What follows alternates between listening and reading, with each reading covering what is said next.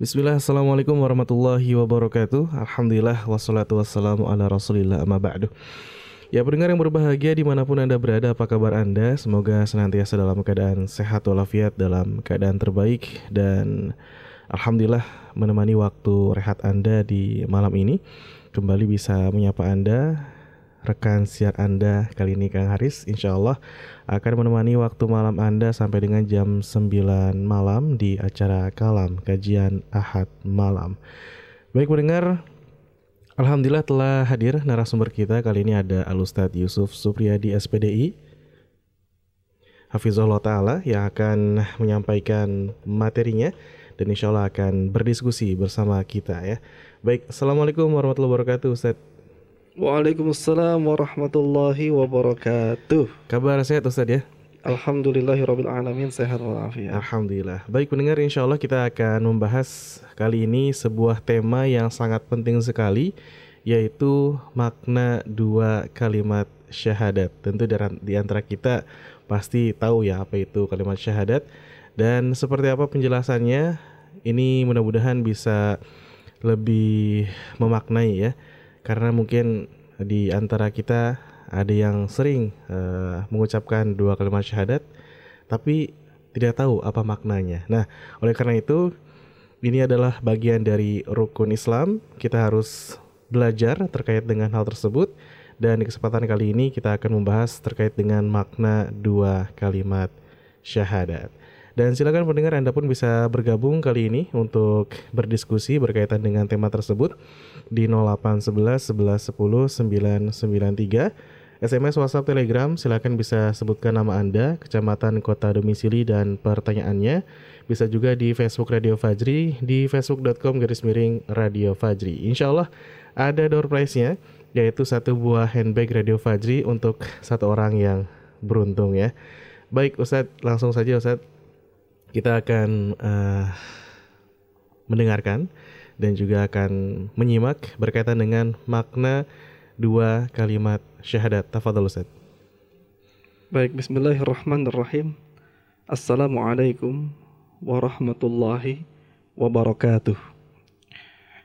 Alhamdulillahi rabbil alamin wassalatu wassalamu ala Rasulillah wa ala alihi وأصحابه ومن تبعهم بإحسان إلى يوم القيامة أما بعد kaum muslimin para pendengar yang semoga dirahmati Allah Subhanahu wa taala.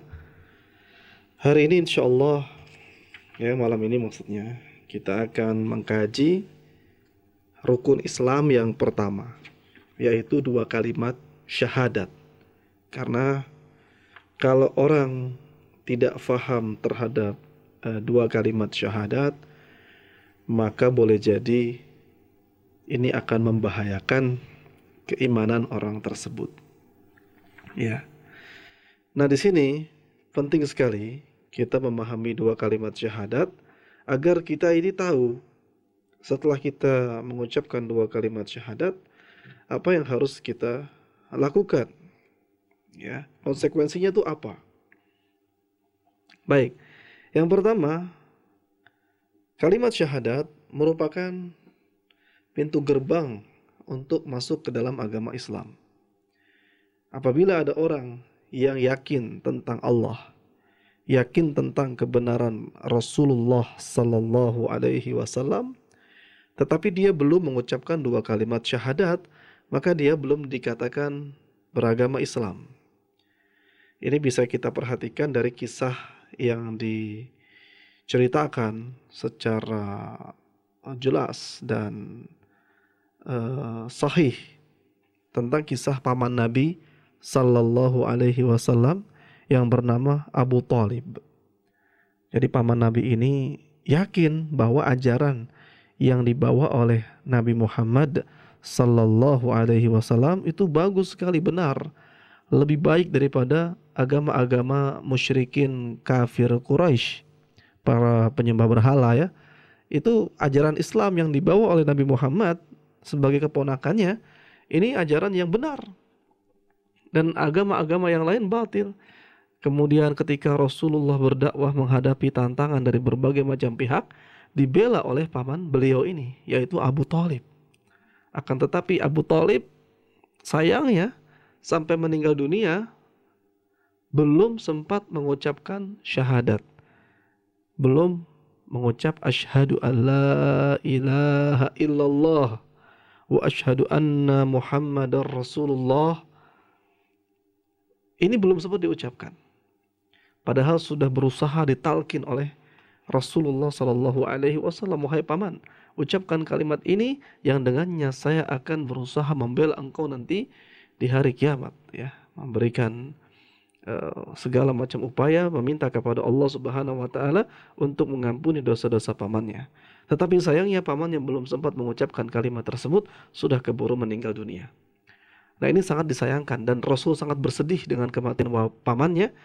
Bukan hanya sedih karena kehilangan ya, tapi sedihnya karena pamannya meninggal dan belum sempat mengucapkan kalimat syahadat atau syahadatain dua kalimat syahadat. Nah, oleh karenanya kita sebagai seorang muslim ketika kita ingin menjadi orang berislam yang benar beriman, maka wajib kita untuk mengucapkan asyhadu alla ilaha illallah wa asyhadu anna muhammadar rasulullah sallallahu alaihi wasallam. Nah, pertama kita ingin mengurai apa kandungan dan makna dari la ilaha illallah. Jadi syahadat itu ada dua, ada syahadat la ilaha illallah, ada syahadat Muhammadar Rasulullah sallallahu alaihi wasallam. Nah, yang pertama adalah la ilaha illallah. Apa arti dan makna daripada la ilaha illallah? Arti la ilaha illallah itu adalah tidak ada yang berhak diibadahi dan disembah selain Allah Subhanahu wa taala. Ini maknanya ya. Arti la ilaha illallah ini baru sekedar arti ya. Arti la ilaha illallah la ma'budu bihaqqin illallah. Tidak ada satupun yang berhak diibadahi dan disembah selain Allah. Kalau sebagian orang kan mengartikan la ilaha illallah itu tidak ada Tuhan selain Allah. Ini seolah-olah Tuhan hanya satu, hanya Allah. Padahal faktanya Tuhan itu banyak sekali. Tuhan itu sangat banyak. Bahkan di dalam penelitian itu banyak sekali agama-agama di dunia ini yang jumlahnya itu ribuan. Dan mereka masing-masing punya Tuhan. Ya masing-masing punya Tuhan. Jadi Tuhan itu banyak. Tetapi tidak ada satupun Tuhan yang berhak untuk diibadahi dan disembah selain hanyalah Allah Subhanahu wa taala. Ini yang dimaksud ya dengan arti la ilaha illallah. Berarti kalau ada orang mempertuhankan batu, mempertuhankan pohon, mempertuhankan Eh, benda-benda keramat, mempertuhankan kuburan-kuburan keramat, itu berarti dia salah. Kenapa? Karena itu semua tidak berhak dipertuhankan. Tidak berhak untuk diibadahi. Yang berhak diibadahi dan disembah hanyalah Allah Subhanahu wa taala. Inilah maksud makna la ilaha illallah. Jadi ini keyakinan yang sangat benar dan harus ditanamkan dengan kuat yaitu tidak ada yang berhak menerima peribadatan ya peribadatan itu macam-macam ya nanti kita rincikan peribadatan itu hanya berhak diberikan kepada Allah amalkan itu dalam keseharian kita jadi tidak cukup sekedar kita mengucap la ilaha illallah sampai ribuan kali tetapi dalam kesehariannya kita masih menyekutukan Allah Subhanahu wa taala. Gitu. Nah, kandungan daripada uh, syahadat la ilaha illallah ini paling tidak ada tiga. Paling tidak ada tiga kandungan daripada syahadat la ilaha illallah. Yang pertama, mengesahkan Allah dalam semua bentuk peribadatan. Ya, kita tidak boleh mempersembahkan sholat kita, sujud kita, ruku kita, nazar kita, doa maupun memberikan sembelihan kepada selain Allah Subhanahu wa taala. Ya, tidak boleh menyembelih untuk siapa ini sembelihan? Untuk penguasa gunung, untuk penguasa gaib yang ada di gunung. Kita sembelih supaya tidak diganggu. Ini tidak boleh. Ya. Kemudian menyembelih sembelihannya untuk siapa? Sembelihannya diperuntukkan untuk penguasa laut, ya makhluk atau eh, penguasa gaib yang ada di laut selatan. Ini juga tidak boleh. Karena sembelihan ini hanya boleh untuk Allah. Sebab sembelihan itu adalah termasuk ibadah. Inna salati wa nusuki wa mahyaya wa mamati lillahi rabbil alamin. Itu dalam Al-Quran disebutkan ya. Al-Quran kitab suci kita menyebutkan sikap seorang mukmin sesungguhnya peribadatanku. Ya, inna salati, salatku. Kemudian sembelihanku. Itu semuanya untuk Allah Subhanahu wa taala. Ini yang pertama, mengesahkan Allah Subhanahu wa taala dalam bentuk peribadahan. Tidak boleh mempersembahkan segala macam ibadah, salat, ruku, sujud, doa kepada selain Allah. Doa pun hanya boleh kepada Allah, tidak boleh kepada selain Allah. Bahkan kepada malaikat doa kita tidak boleh. Ya berdoa kepada malaikat, berdoa kepada nabi, itu tidak boleh. Bolehnya kepada siapa? Kepada Allah saja. Demikian. Yang kedua, kita meyakini bahwa hanya Allah lah satu-satunya pencipta, penguasa di alam semesta, pengatur alam semesta, hanya dialah yang bisa menghidupkan, hanya dialah yang bisa mematikan. Tidak ada sekutu bagi Allah dalam semua hal tersebut. Ini ya. Kandungan dan konsekuensi syahadat la ilaha illallah. Yang kedua adalah kita meyakini bahwa tidak ada yang bisa menghidupkan dan mematikan selain Allah. Tidak ada penguasa di alam semesta selain Allah. Tidak ada pengatur alam semesta selain Allah. Ya, semuanya Allah yang atur. Rezeki semuanya Allah yang atur. Kapan orang itu hidup, kapan orang itu mati, Allah yang atur. Yang menciptakan alam semesta hanyalah Allah Subhanahu wa taala. Ini kandungan dan konsekuensi yang kedua. Kemudian yang ketiga, Ya ini penting sekali nih. Seseorang yang telah bersyahadat mengucapkan la ilaha illallah maka dia harus meyakini bahwa agama yang boleh untuk dianut hanyalah agama Allah Subhanahu wa taala. Ya, karena agama yang ada di dunia ini sangat banyak, tetapi kalau orang sudah bersyahadat la ilaha illallah, maka dia harus menganut satu agama saja yang harus diikuti yaitu agama Islam. Tidak boleh dia mengikuti agama selain Islam kalau sudah bersyahadat. Kalau belum bersyahadat, ya itu pilihan dia. Dia mau ikut agama yang lain boleh. Tapi konsekuensinya di akhirat nanti tanggung sendiri.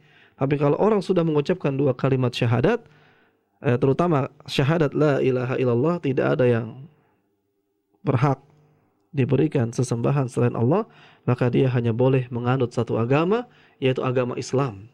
Dan tidak boleh mati kecuali dalam Islam. Wala tamutunna illa wa antum muslimun. Dan janganlah kalian mati kecuali mati dalam keadaan Islam. Dan Allah Subhanahu wa taala juga berfirman, "Inna dina 'indallahil Islam." Sesungguhnya agama yang diridhoi di sisi Allah hanyalah agama Islam. Baik, ini adalah uh, syahadat yang pertama. Ya, syahadat la ilaha illallah yang artinya tidak ada yang berhak dibadahi dan disembah selain Allah dan kandungannya konsekuensinya ada tiga mengesahkan Allah dalam semua peribadatan seperti sholat, ruku, sujud, nazar, doa itu hanya boleh kepada Allah. Yang kedua meyakini bahwa hanya Allah lah satu-satunya pencipta, penguasa di alam semesta, pengatur alam semesta yang menghidupkan dan mematikan, tidak ada sekutu bagi Allah dalam semua hal tersebut. Dan yang ketiga, seseorang yang telah bersyahadat, dia wajib meyakini bahwa dia hanya boleh menganut satu agama, yaitu agama Allah, agama Islam. Ya. Ini. Dan kalau sudah berislam, maka wajib dia untuk memahami agama Islam dengan baik dan benar, mempelajarinya, dan seterusnya agar istiqomah. Nah kemudian langsung kita beralih ke syahadat yang kedua, yaitu syahadat Muhammad Rasulullah Sallallahu Alaihi Wasallam. Apa makna syahadat Ashadu anna Muhammad Rasulullah? Aku bersaksi bahwa sesungguhnya Nabi Muhammad adalah utusan Allah. Nah, maknanya adalah kita mengakui secara lahir batin bahwa Nabi Muhammad sallallahu alaihi wasallam adalah hamba Allah, adalah rasul Allah yang diutus kepada umat manusia secara keseluruhan. Jadi kita harus meyakini bahwa Nabi Muhammad ini adalah utusan Allah yang diutus kepada manusia secara keseluruhan, bukan hanya untuk orang Arab, tapi juga diutus untuk orang Indonesia. Jadi walaupun kita di Indonesia, tetap kita ikuti ajarannya, ajaran Nabi Muhammad Sallallahu Alaihi Wasallam. Nah, konsekuensi dan kandungan daripada syahadat Muhammad Rasulullah Sallallahu Alaihi Wasallam adalah yang pertama, kita mengakui dan meyakini bahwa Nabi Muhammad sallallahu alaihi wasallam adalah manusia pilihan Allah yang diangkat sebagai rasul terakhir. Tidak ada nabi dan rasul setelah beliau sallallahu alaihi wasallam. Ya, bahkan dalam hadis dikatakan apabila orang-orang di luar Islam ya telah mendengar Rasulullah diutus tetapi tidak mengikuti Rasulullah Nabi Muhammad sallallahu alaihi wasallam maka mereka bukanlah ahli surga. Jadi kalau mau jadi ahli surga, ikuti Nabi Muhammad sallallahu alaihi wasallam. Jadi kita mengakui dan meyakini Nabi Muhammad itu adalah manusia pilihan Allah yang diangkat sebagai rasul terakhir. Tidak ada nabi dan rasul setelahnya ya dan syariat-syariat yang dibawa oleh nabi-nabi sebelumnya itu sudah dibatalkan dengan diutusnya Rasulullah Sallallahu Alaihi Wasallam. Ya, tidak boleh lagi kita ikuti ajaran Nabi yang lainnya selain ajaran Nabi Muhammad Sallallahu Alaihi Wasallam. Bahkan kalau Nabi Musa saja hidup di zaman Rasulullah Muhammad Sallallahu Alaihi Wasallam, Nabi Musa tidak membawa syariat sendiri, syariatnya Nabi Musa akan batal dan Nabi Musa akan menjadi pengikutnya Nabi Muhammad Sallallahu Alaihi Wasallam. Kemudian yang kedua, kandungan dari syahadat Muhammad Rasulullah Sallallahu Alaihi Wasallam adalah kita mengikuti dan mengamalkan ajaran yang beliau bawa. Jadi ajaran beliau ikuti, taati, teladani, gitu ya. Kemudian yang ketiga, kita wajib mengagungkan dan mencintai beliau Nabi Muhammad sallallahu alaihi wasallam melebihi kecintaan kita kepada diri sendiri, kepada orang tua, kepada anak dan keluarga. Jadi kita ini wajib mencintai Nabi Muhammad di atas semua manusia termasuk diri sendiri. Ya ketika itu Umar bin Khattab radhiyallahu anhu pun ditegur oleh Rasulullah sallallahu alaihi wasallam. Kenapa? Karena Umar mencintai manusia uh, mencintai Rasulullah di atas semua manusia kecuali dirinya sendiri. Kecuali dirinya sendiri. Maka Nabi Muhammad sallallahu alaihi wasallam meluruskan pendapat Umar itu. Ya, tidak sempurna iman wahai Umar sebelum aku lebih engkau cintai daripada seluruh manusia termasuk diri sendiri. Maka sejak saat itu Umar langsung meralat pernyataannya, ya mulai saat ini saya mencintai engkau melebihi cintaku kepada semua manusia termasuk kepada diriku sendiri. Ini ya konsekuensi dan kandungan syahadat asyhadu anna Muhammadar Rasulullah sallallahu alaihi wasallam. Mengagungkan dan mencintai beliau melebihi kecintaan kepada diri sendiri, orang tua, anak dan keluarga. Lalu yang keempat, Ketika kita mengucapkan asyhadu anna Muhammadar Rasulullah, maka kita harus mempercayai, membenarkan semua kabar yang disampaikan oleh beliau Shallallahu Alaihi Wasallam, baik tentang perkara yang tampak maupun perkara yang gaib, baik peristiwa yang sudah berlalu maupun peristiwa yang akan datang. Kita wajib percaya. Karena beliau itu utusan Allah. Jadi kita tidak boleh menolak hadis-hadis yang beliau Shallallahu Alaihi Wasallam sampaikan. Semua hadis yang disampaikan, semua perkataan dan berita yang disampaikan oleh Rasulullah Shallallahu Alaihi Wasallam wajib kita yakini kebenarannya. Baik itu tentang perkara masa lalu jadi kalau Nabi Muhammad bercerita tentang kisah-kisah umat masa dahulu, maka kita harus meyakini oh cerita itu benar.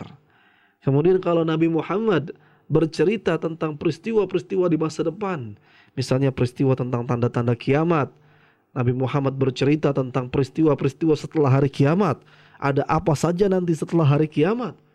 Kemudian Nabi Muhammad bercerita tentang surga, tentang neraka, maka kita wajib meyakini kebenarannya. Ya wajib meyakini kebenarannya walaupun itu tidak sesuai dengan logika. Ya sebagaimana Abu Bakar As-Siddiq radhiyallahu anhu telah membuktikan ketika Nabi Muhammad itu melaksanakan peristiwa Isra Mi'raj berjalan dalam satu malam melakukan perjalanan dari Mekah ke Masjid Al-Aqsa Kemudian setelah sampai Al-Aqsa beliau naik ke langit ketujuh untuk menerima perintah sholat. Kemudian turun lagi. Kemudian sampai di Mekah lagi. Dan Nabi Muhammad itu telah eh, dikenal sebagai orang yang jujur. Tidak mungkin berbohong. Maka ketika Abu Bakar As-Siddiq radhiyallahu anhu mendengar peristiwa tersebut dari orang lain, Abu Bakar As-Siddiq radhiyallahu anhu percaya bahwa apa yang dilakukan oleh Nabi Muhammad itu adalah sebuah kebenaran, bukan cerita bohong. Makanya Abu Bakar digelari As-Siddiq, orang yang mempercayai mempercayai semua kabar-kabar yang disampaikan atau yang berkenaan dengan Nabi Muhammad sallallahu alaihi wasallam. Ini konsekuensi dan kandungan ya. Keempat ya, membenarkan semua kabar yang disampaikan oleh Nabi Muhammad sallallahu alaihi wasallam. Kemudian yang kelima ya kandungan konsekuensi dari syahadat asyhadu anna Muhammadar Rasulullah adalah mendahulukan sabda beliau sallallahu alaihi wasallam di atas segala pendapat dan ucapan manusia selain beliau sallallahu alaihi wasallam. Jadi kalau beliau sudah bersabda ada hadisnya maka itu harus kita agungkan didahulukan daripada pendapat manusia lainnya selain Nabi Muhammad sallallahu alaihi wasallam. Ini penting menjadi prinsip beragama agar jangan sampai kita mendahulukan ucapan atau perkataan manusia selain Nabi Muhammad sementara perkataan Nabi Muhammad kita abaikan atau kita jadikan nomor dua, nomor tiga dan lain sebagainya. Ya, kita lebih yakin dengan perkataan orang lain selain beliau sallallahu alaihi wasallam nah ini berarti dia belum melaksanakan kandungan daripada syahadat Muhammad Rasulullah sallallahu alaihi wasallam kalau kita sudah mengucapkan Muhammad dan Rasulullah Muhammad itu utusan Allah berarti kita yakin semua yang diucapkan oleh Nabi Muhammad itu berarti ya berasal dari wahyu Allah wa ma yantiqu anil hawa in huwa illa wahyu yuha tidaklah yang diucapkan oleh Nabi Muhammad berkaitan dengan perkara akidah dan perkara syariat bukanlah dari hawa nafsu beliau sendiri, tetapi itu berasal dari wahyu Allah Subhanahu wa taala. Jadi bukan ngarang-ngarang, beliau kalau bicara itu berdasarkan wahyu. Tidak berani beliau berkata yang bertentangan dengan wahyu Allah. Pasti beliau itu komitmen dengan wahyu dari Allah Subhanahu wa taala apa yang beliau ucapkan itu ilmunya langsung dari Allah. Ya. Apa yang diucapkan Nabi Muhammad terkait dengan segala perkara baik perkara agama maupun perkara kemaslahatan hidup dunia, tentang akhlak misalnya, tentang jual beli, tentang syariat pernikahan, tentang syariat hukum pidana dan lain sebagainya, itu semua ilmunya dari Allah. Bukan hasil ijtihad beliau sendiri. Semuanya wahyu dari bimbingan dari wahyu Allah Subhanahu wa taala. Demikian. Kemudian yang keenam, yaitu konsekuensi dan kandungan dari syahadat Muhammad Rasulullah Sallallahu Alaihi Wasallam adalah tidak membuat-buat syariat baru atau mengikuti ajaran syariat selain syariat yang dibawa oleh Nabi Muhammad Sallallahu Alaihi Wasallam. Jadi tidak boleh kita buat syariat baru. Apa itu syariat? Syariat itu adalah hukum-hukum ya, halal, haram, boleh, tidak boleh. Tidak boleh kita buat hukum-hukum, ajaran-ajaran tentang perkara agama selain dari hukum-hukum yang telah dibawa oleh Nabi Muhammad Sallallahu Alaihi Wasallam. Ya misalkan hukum uh, riba. Nabi Muhammad Sallallahu Alaihi Wasallam telah membuat aturan riba tidak boleh. Kemudian ada orang yang membuat syariat baru. Oh riba itu boleh. Maka jangan sampai kita mengikuti syariat baru tersebut. Ya. Kemudian juga syariat tentang ibadah sholat. Nabi Muhammad sudah mencontohkan tata cara sholat. Kita tidak boleh membuat cara sholat sendiri. Kata Nabi Shallallahu Alaihi Wasallam, "Sallu kama ra'aitumuni usolli." Sholatlah kalian sebagaimana kalian melihat aku sholat. Jadi para sahabat pun tidak boleh sholatnya itu semaunya. Disuruh ikuti cara sholatnya Rasulullah Shallallahu Alaihi Wasallam. Itu dalam perkara ibadah, dalam sholat, dalam hukum-hukum juga demikian ya. Ini makanan halal, ini makanan haram, itu sudah ada hukum-hukumnya dari Nabi Muhammad Sallallahu Alaihi Wasallam. Kita tidak boleh membuat hukum sendiri. Atau kalau ada orang bikin hukum, kita ikuti hukum orang, kita abaikan hukum Nabi Muhammad Sallallahu Alaihi Wasallam. Tidak boleh. Ini konsekuensinya. Kalau orang yang sudah mengucapkan Ashhadu anna Muhammad Rasulullah, maka tidak boleh membuat syariat-syariat baru atau mengikuti ajaran syariat baik dalam perkara ibadah maupun perkara muamalah yang bertentangan dengan syariat Nabi Muhammad sallallahu alaihi wasallam. Ini ya pembahasan kita eh, kandungan daripada dua kalimat syahadat ya sesuai dengan tema yang dibuat pada malam hari ini yaitu makna dan kandungan dari dua kalimat syahadat. Yang ini merupakan rukun Islam yang pertama seseorang tidak dikatakan berislam sebelum dia mengucapkan dan melaksanakan konsekuensi kandungan dari dua kalimat syahadat ini. Ketika dia hanya mengucapkan tetapi tidak menjalankan kandungannya, maka ini juga berpotensi syahadatnya tidak diterima oleh Allah Subhanahu wa taala. Ada orang yang sekedar mengucapkan, ya, saya mengucapkan asyhadu alla ilaha illallah, asyhadu anna Muhammad Rasulullah, tetapi tidak melaksanakan isinya.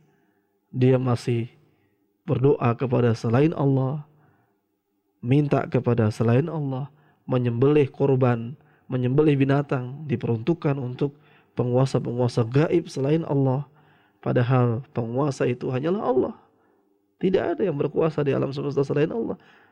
Ya ini ya. Jadi kalau ada orang yang hanya sekedar akan hanya sekedar mengucap syahadat, dua kalimat syahadat tetapi tidak memahami kandungannya dan tidak menjalankan konsekuensinya, maka syahadat tersebut dinyatakan batal. Ya, batal. Nah, apa saja pembatal-pembatal syahadat? itu nanti akan dibahas pada pertemuan yang lain. Jadi intinya adalah kita jangan sampai mengucapkan dua kalimat syahadat tetapi tidak tahu makna dan kandungannya sehingga kita tidak menjalankan konsekuensi daripada makna dan kandungan dua kalimat syahadat tersebut. Mudah-mudahan kajian pada malam hari ini memberikan pencerahan untuk kita semua agar kita semakin semangat belajar Islam agar tidak terjatuh ke dalam kesalahan yang membuat keislaman kita batal. Wallahu a'lam. Baik, Masya Allah Ustaz Jazakallah khairan kasiran atas ilmu yang disampaikan Masya Allah pendengar Imar Pemberada kita sudah belajar terkait dengan syahadat makna dua kalimat syahadat yang mana syahadat ini adalah pintu gerbang masuk agama Islam. Dan tadi sudah disampaikan ada kandungan syahadat la ilaha illallah ada kurang lebih ada tiga. Dan juga ada kandungan dari syahadat Muhammad Rasulullah itu kurang lebih ada enam ya yang sudah disampaikan oleh Al Ustadz Yusuf Hafizullah Ta'ala. Dan pendengar silakan yang ingin bertanya kita akan berdiskusi nanti di sesi kedua. Jadi silakan bisa disiapkan pertanyaan Anda di 0811 11 10 993 bisa melalui WhatsApp, SMS atau Telegram dan juga bisa di Facebook Radio Fajri. Insya Allah kami akan tanggapi pertanyaan Anda setelah jeda berikut tetap di 99.3 Fajri FM Suara Kebangkitan Islam. Ya baik pendengar yang berbahagia di mana pun Anda berada masih di 99.3 Fajri FM Suara Kebangkitan Islam Belajar Islam jadi lebih mudah. Yang juga disambung siarkan melalui streaming di www.fajrifm.com Ya pendengar Alhamdulillah kita akan masuk ke sesi kedua dan insya Allah ada door prize satu buah handbag buat Anda yang ikut bergabung bertanya di kesempatan kali ini. Jadi silakan bisa kirimkan saja pertanyaannya 0811 11 10 993 ya. Bisa SMS, WhatsApp atau Telegram dan juga bisa di Facebook Radio Fajri. Baik Ustadz sudah cukup banyak nampaknya pertanyaan-pertanyaan yang sudah masuk kali ini. Alhamdulillah. Kita langsung tanggapi satu persatu. Bismillah dari Ibu Nani di Sukma Jaya Depok. Ahlan wasahlan mau bertanya dahulu. Roh mau bertanya ya. Dahulu waktu masih muda uh, pernah ikut main ke gereja. Tapi saya cuma sekedar ingin tahu saja, tidak lebih. Tapi kalau ingat, dulu saya sangat menyesal Ustaz. Apakah keislaman saya batal Pak Ustaz? Silakan Ustaz. Iya, kalau sekedar main atau ingin tahu saja, tidak lebih, maka tidak sampai kepada pembatal keislaman. Ya, tetapi hukum bermain di tempat peribadatan di luar Islam bagi seorang muslim ini para ulama melarang ya berdasarkan uh, pesan daripada Nabi wasallam yang melarang seseorang untuk mengunjungi tempat-tempat yang di mana tempat tersebut dilakukan penyembahan kepada selain Allah Subhanahu wa taala itu harus dijauhi. Di tempat mana pun ya, kita tidak sebut nama agamanya, agama mana pun. Kalau ada tempat-tempat penyembahan kepada selain Allah, maka kita tidak boleh bermain-main di situ. Ya. Tidak boleh bermain-main di situ. Baik itu di ya, di darat maupun di laut ya, di pantai maupun di gunung, di mana pun itu. Tidak boleh ada orang yang sedang melakukan ritual peribadatan kepada selain Allah, mereka sedang menyembah Tuhan selain Allah, atau tempat itu dijadikan tempat peribadatan selain Allah, maka kita jangan bermain-main di situ. Ya, tidak boleh. Hanya saja tidak sampai kepada pembatal keislaman. Itu mungkin. Ya baik, Masya Allah. Terima kasih Ustadz atas jawabannya. Demikian ya untuk Ibu Nani di Sukma Jaya Depok. Berikutnya dari Pak Syaiful di Pancoran Mas Depok, masih dari warga Depok. Assalamualaikum Waalaikumsalam warahmatullahi wabarakatuh. Pak Ustadz saya mau tanya, yang benar itu kalau baca dua kalimat syahadat, ashadu an la atau ashadu Allah. Terima kasih Ustadz. Silakan Ustadz. Baik, untuk pengucapan yang benar itu asyhadu alla ilaha illallah. Jadi tidak dibaca huruf nunnya. Jadi memang kalau dalam tulisan itu ada huruf nun, nun mati bertemu dengan lam. Jadi kalau ada nun mati bertemu huruf lam, dia langsung idgom kepada huruf lamnya. Jadi nunnya tidak terucap. Maka kita ucapkannya Ashadu alla ilaha illallah bukan ashadu an la karena dia idgom ya idgom bilaguna jadi nunnya tidak diucapkan langsung kepada masuk idgom itu masuk ke huruf lam Ashhadu alla ilaha illallah. Begitu. Kecuali kalau syahadat yang kedua, Ashhadu anna Muhammadar Rasulullah. Kalau anna itu yang benar seperti itu diucapkan annanya. Anna itu kan artinya sesungguhnya. Ashhadu saya bersaksi anna Muhammada sesungguhnya Nabi Muhammad adalah Rasulullah. Anna Muhammadan Rasulullah. Atau kalau mau disambung anna Muhammadar Rasulullah. Begitu. Jadi untuk yang syahadat asyhadu alla ilaha illallah yang benar itu. Bukan asyhadu an la ya. Karena tadi ada kaidah cara membaca nun mati bertemu huruf lam dengan idgham. Silakan lanjutnya. Iya baik, masya Allah. Demikian ya e, pertanyaan dari Pak Syaiful di Pancoran Mas Depok. Berikutnya ada Ibu Suci Roheti di Bojonggede Bogor. Pertanyaannya Pak Ustadz, saya mau tanya yang sesuai tema makna dari dua kalimat syahadat. Yang saya tanyakan, kenapa mereka yang bersyahadat masih percaya pertolongan selain Allah?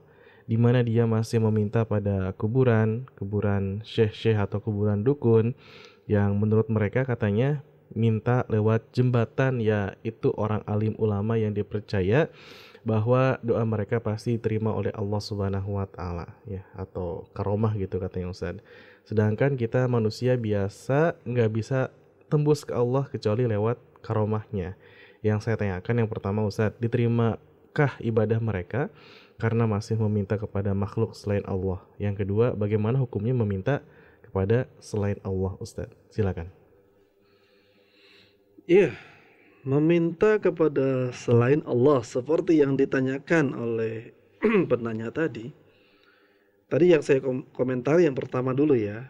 Kenapa orang sudah bersyahadat tapi masih percaya ada pertolongan selain Allah dari penguasa-penguasa gaib ya. Penguasa gaib di jembatan, penguasa gaib di lautan, penguasa gaib di pegunungan, jadi mereka harus permisi dulu kalau mau lewat jembatan atau kalau mau nyebrang jembatan atau kalau mau naik gunung atau kalau mau berlibur di pantai tertentu harus permisi dulu kepada penguasa gaib itu. Dan masih percaya ada penguasa gaib. Ini tidak tidak lepas dari kebodohan terhadap makna la ilaha illallah. Makanya uh, tema ini diangkat sebetulnya untuk itu. Karena masih banyak orang yang baru sekedar mengucapkan saja la ilaha illallah tapi nggak tahu kandungannya. Maka kita bahas di sini di malam ini bahwa ketika sudah mengucapkan la ilaha illallah kita ini wajib yakin bahwa tidak ada penguasa-penguasa di alam semesta selain Allah. Kalau penunggu mungkin saja ada, ya misalnya di gunung ada uh, jin yang tinggal di gunung boleh jadi. Ada jin yang tinggal di kolong jembatan ada jin yang tinggal di rumah kosong ada jin yang tinggal di uh, mana di laut di pohon tertentu. Tetapi itu sekedar sekedar mereka menempati saja bukan penguasanya. Penguasanya tetap Allah Subhanahu wa taala jadi tidak ada mereka punya kuasa untuk menggerakkan ombak. Ya, mereka berkuasa untuk membuat gunung menjadi meletus. Mereka penguasa gaib itu membuat jembatan jadi roboh, tidak tidak punya kuasa mereka untuk hal itu. Yang punya kuasa hanyalah Allah Subhanahu wa taala. Kalau sekedar penunggu boleh jadi ada. Ya karena memang jin itu bahkan jangankan di jembatan, ya di rumah kita pun boleh jadi ada jin. Tetapi kalau kita baca Al-Quran, jin itu akan kabur. Jadi kalau kita mau mengusir jin, penunggu-penunggu gaib, itu bukan kita malah minta permisi kepada jin itu. Itu malah membuat mereka semakin bangga. Ya semakin merasa besar. Tapi yang harus kita lakukan adalah kita beristi'awud, uh, beristi'adah ya, berta'awud atau isti'adah. A'udzu billahi minasyaitonir rajim. Ya Allah, aku berlindung kepada Engkau dari syaitan rajim dari setan-setan yang terkutuk. Ya, dengan demikian kita sudah melaksanakan konsekuensi dari la ilaha illallah. Nah, kalau ada orang yang masih demikian, maka ini bisa berbahaya terhadap keimanannya. Bisa terjatuh ke dalam kekufuran. Ya, kepada kesyirikan. Nah, kemudian eh, terkait dengan pertanyaan ini juga tadi ya ditanyakan mereka berdoa kepada selain Allah, beribadah kepada selain Allah. Nah ini harus kita yakini bahwa tidak ada selain Allah yang bisa mengabulkan doa. Tidak ada yang bisa mengabulkan doa. Baik itu pohon-pohon, batu-batu keramat, cincin-cincin keramat, ya, keris-keris sakti, apalagi kuburan-kuburan keramat, kita minta mereka tidak bisa mengabulkan. Bahkan mendengar pun tidak bisa. Ya, mereka mendengar pun tidak bisa. Kita ngomong apa, memangnya keris itu bisa mendengar apa yang kita ucapkan. Kalau kita ucapkan perkataan tertentu, memangnya kuburan itu bisa mendengar. Tidak bisa. Itu tidak bisa mendengar. Ya, tidak bisa mendengar. Apalagi mengabulkan. Mendengar saja mereka tidak bisa, apalagi mengabulkan doa kita. Gitu ya. Jangankan mereka, makhluk hidup yang benar-benar hidup saja, itu tidak bisa mendengar perkataan kita kalau dia eh, apa namanya tidak faham dengan bahasa kita. Ya, kucing misalnya. Kita ngomong depan kucing. Kucing itu nggak paham dengan perkataan kita. Padahal kucing makhluk hidup. Apalagi kita ngomong sama benda mati. Sama kuburan. Benda mati ya. E, apalagi. Keris itu benda mati. Pohon benda mati. Tambah mereka tidak bisa mendengar apa yang kita ucapkan. Apalagi mengabulkan doa kita. Jadi logika saja. Yang hanya yang bisa mendengar apa yang kita ucapkan itu hanya Allah. Yang bisa mengabulkan hanyalah Allah. Mari kita perhatikan di surah Fatir ayat 14. Ini untuk membantah mereka-mereka yang suka ibadah kepada selain Allah ya. In tad'uhum la yasma'u du'aakum. Artinya, jika kalian menyeru mereka, memanggil mereka, berbicara kepada mereka, mereka tidak mendengar doa-doa kalian. In tad'uhum la yasma'u du'aakum. Walau sami'u, walaupun mereka bisa mendengar, mastajabu lakum. Mereka tidak bisa mengabulkan, mengijabah permintaan kalian. Wa yaumal qiyamati yakfuruna bisyirkikum. Dan pada hari kiamat, ya mereka akan mengingkari kemusyrikan kalian. Jadi ini perbuatan kemusyrikan ya. Jelas sekali berdasarkan surat Fatir ayat 14 ini. Kalau kita berdoa kepada benda-benda mati tadi ya. Berdoa kepada selain Allah. Mereka itu tidak bisa mendengarkan doa kita. Ya, tidak bisa. Kalaupun mereka bisa mendengar doa kita, mereka tidak mampu mengijabah mengabulkan doa kita. Dan pada hari kiamat mereka akan mengingkari kesyirikan kita. Ini kesyirikan termasuknya ya kemusyrikan. Wallahu alam. Semoga Allah jauhkan kita dari segala kemusyrikan. Baik, amin ya rabbal alamin. Masya Allah, demikian ya jawaban dari pertanyaan Ibu Suci Roheti dari Bojonggede, Bogor. Berikutnya Ustaz, ada dari Ibu Kasih di Kelapa Gading, Jakarta Utara. Assalamualaikum, Waalaikumsalam warahmatullahi wabarakatuh. Mau tanya, Ustadz, apakah manusia kalau sudah pernah mengucapkan kalimat syahadat bisa masuk surga? Silakan Ustaz. Iya. Salah satu keutamaan daripada kalimat syahadat adalah sebagai kunci surga. Ya, miftahul jannah. La ilaha illallah. Kunci surga itu la ilaha illallah. Di dalam hadis dikatakan man akhirul kalami la ilaha illallah dakhalal jannah. Siapa yang di akhir ucapan hidupnya dia mengucapkan la ilaha illallah masuk surga. Itu sudah jaminan ya.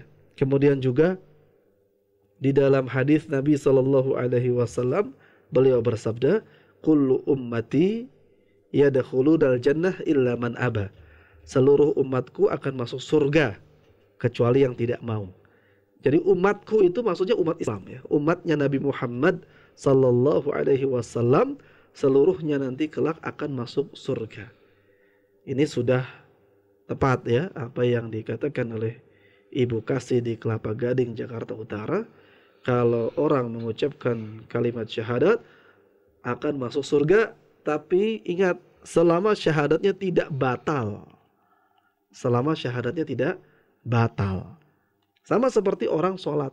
Apakah orang sholat berpahala? Pasti berpahala selama sholatnya tidak batal. Kalau sholatnya batal berarti ya tidak berpahala. Begitupun orang yang mengucapkan dua kalimat syahadat. Ada orang yang mengucapkan dua kalimat syahadat sampai akhir hayatnya tidak pernah batal syahadatnya, masuk surga dia. Jaminannya Nabi Muhammad Sallallahu Alaihi Wasallam dan banyak ayat-ayat Al-Quran yang menyebutkan orang yang bersyahadat masuk surga, berislam masuk surga. Tapi kalau sebelum meninggal syahadatnya batal, nah dia belum sempat taubat, maka ini terancam tidak bisa masuk surga. Apa pembatal syahadat? Di antara pembatal syahadat adalah perbuatan syirik. Dalam ayat Al-Quran disebutkan, Innallaha la yaghfiru ayyushraka bihi wa yaghfiru ma duna dzalika liman yasha'.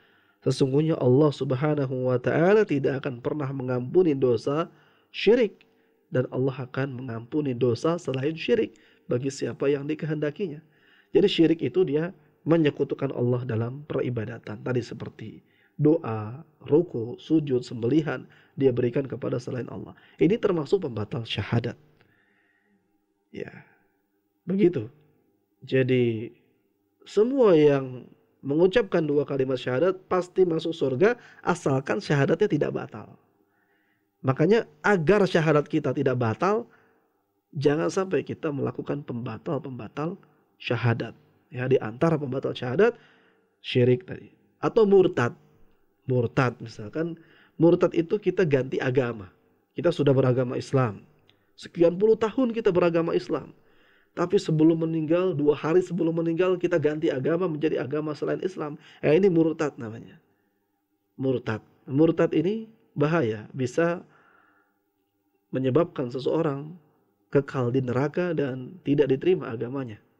Wa may yabtaghi ghairal islam dinan fala yuqbala minhu wa huwa fil akhirah minal khasirin. Barang siapa yang mencari agama selain Islam, tidak diterima agama itu darinya, dan dia di akhirat akan termasuk orang yang rugi. Itu. Terima kasih untuk pertanyaannya demikian yang bisa saya jawab.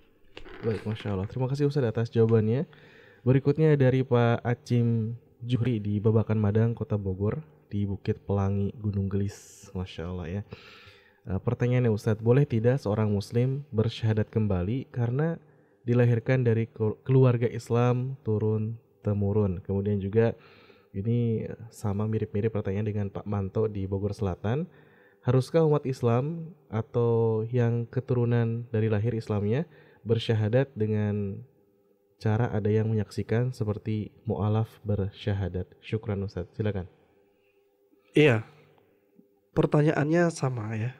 Kalau orang sudah lahir dalam kondisi muslim, maka dia tidak diminta lagi bersyahadat di hadapan uh, orang mempersaksikan keislaman dia.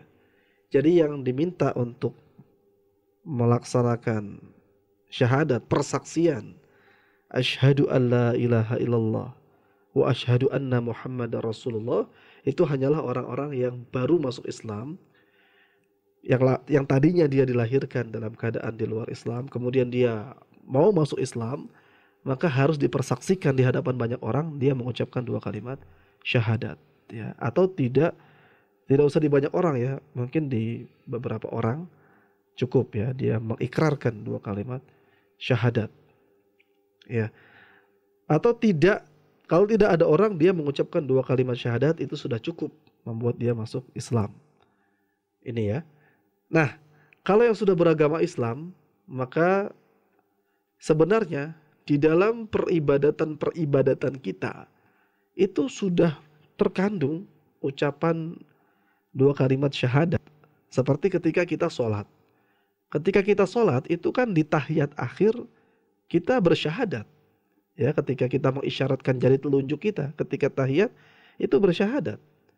Jadi apakah boleh orang Islam bersyahadat? Ya boleh. Boleh sekali. Begitu. Bukan tidak boleh. Ya boleh. Bahkan dalam peribadatan kita sehari-hari ada kandungan ucapan kalimat syahadatnya termasuk ketika kita sholat lima waktu. Itu bayangkan bukan cuman satu waktu ya. Kita sholat lima kali dalam sehari setiap tahiyat eh setiap sholat itu tahiyatnya ada yang dua ada yang satu ya. Kalau sholat zuhur asar maghrib isya tahiyatnya dua. Itu kita mengucapkan dua kalimat syahadat di situ. Demikian. Adapun kalau misalkan eh, tadi orang yang tadinya berislam kemudian di pertengahan kehidupannya dia tersesat jalan kemudian dia kembali menemukan hidayah, masuk Islam lagi, maka bersyahadat lagi. Bersyahadat lagi. Demikian. Ya baik, Masya Allah ya. E, rata-rata sudah di pukul 21 lebih 1, tapi masih banyak pertanyaan Ustadz. E, mohon maaf kepada, yang sudah bertanya ada Ibu Warni di Pondok Aren, kemudian ada Bu Yono dari e, alias Abu Malik, kemudian ada Pak Junedi di Kemang Semplak Bogor, ada Pak Hendra di Bojong Baru, Bojong Gede. Ada Mama Fitri di Bekasi, Ibu Neni Nur Aini, Ibu Rita di Tapos Depok, ada Ibu Neni Ismaya di Cirimekar Cibinong, Ibu Sainingsi di Jatiuwung Tangerang belum bisa kami jawab pada kesempatan kali ini karena keterbatasan keterbatasan, keterbatasan waktu mohon maaf ya. Mudah-mudahan bisa dijawab di lain kesempatan. Dan Ustadz mungkin ada yang ingin Ustadz sampaikan sebagai kesimpulan di pertemuan kita malam hari kali ini silakan Ustadz. Baik, kesimpulannya adalah uh, kajian kita tentang makna dua kalimat syahadat ini sangat penting sekali untuk terus diperdalam supaya kalimat syahadat kita ini sah ya diterima di sisi Allah Subhanahu wa taala supaya keislaman kita ini uh, benar di sisi Allah Subhanahu wa taala. Karena kita khawatir kita sudah merasa berislam tetapi di sisi Allah Subhanahu wa taala keislaman kita dianggap belum benar. Oleh karenanya agar keislaman kita benar, teruslah kita berilmu, pelajari ilmu, terutama ilmu yang berkaitan dengan La ilaha illallah dan Muhammad Rasulullah sallallahu alaihi wasallam. Jadi tidak sekedar diucapkan.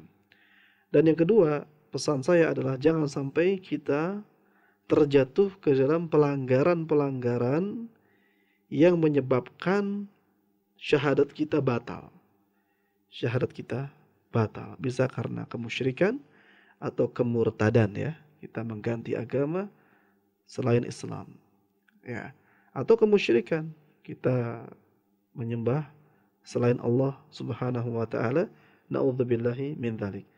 Bahkan ini juga ditakutkan ya oleh para nabi. Para nabi saja takut terjatuh ke dalam pelanggaran syahadat pelanggaran akidah.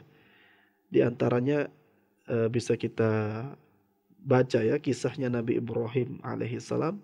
Nabi Ibrahim itu berdoa meminta kepada Allah Subhanahu wa taala, "Rabbi ja'al hadza baladan aminan waj'nubni wa baniya an na'budal asnam." Ya Allah jadikanlah negeri Mekah ini negeri yang aman, sejahtera dan jauhkanlah diriku dan keturunanku dari menyembah berhala. Itu bukti bagaimana takutnya Nabi Ibrahim untuk terjatuh ke dalam pelanggaran yang menyebabkan batalnya keimanan, yaitu menyembah berhala. Beliau berdoa supaya dirinya dan anak keturunannya dijauhkan dari menyembah berhala. Itu sekelas nabi. Sekelas nabi saja masih berdoa demikian apalagi kita yang bukan nabi, maka kita lebih harus banyak lagi berdoa meminta kepada Allah diistiqomahkan ihdinas siratal mustaqim tunjukilah kami jalan yang lurus bukan jalan yang dimurkai bukan jalan yang sesat Dan kita juga berdoa kepada Allah jauhkan diri kita supaya Allah jauhkan diri kita, Allah jauhkan anak keturunan kita dari menyembah berhala-berhala yang menyebabkan batalnya keimanan kita dan merugi selamanya di akhirat di neraka yang sangat mengerikan. Nauzubillahi min dzalik. Wallahu a'lam. Baik Ustaz, Masya Allah terima kasih banyak Jazakallah khairan kathiran atas ilmu disampaikan di malam hari kali ini Semoga bermanfaat dan mudah-mudahan pendengar kita bisa memaknai secara benar Dua kalimat syahadat Asyhadu an la ilaha illallah wa asyhadu anna muhammadar rasulullah. Baik, terima kasih banyak yang sudah bergabung, yang sudah bertanya malam hari kali ini. Insya Allah akan ada satu pemenang Yaitu langsung diumumkan saja. Alhamdulillah, selamat kepada Ibu Suci Roheti dari Bojonggede Bogor. Anda berhak mendapatkan satu buah handbag radio Fajri FM. Dan untuk pendengar yang sudah bertanya tapi belum dijawab di kesempatan kali ini, insya Allah akan dijawab di lain kesempatan. Dan mudah-mudahan perjumpaan kita bermanfaat. Saya Haris pamit undur diri. Mohon maaf apabila ada kesalahan. Subhanakallahumma bihamdika. Asyhadu an la ilaha illa anta astaghfiruka wa atubu ilaik. Wassalamualaikum warahmatullahi wabarakatuh.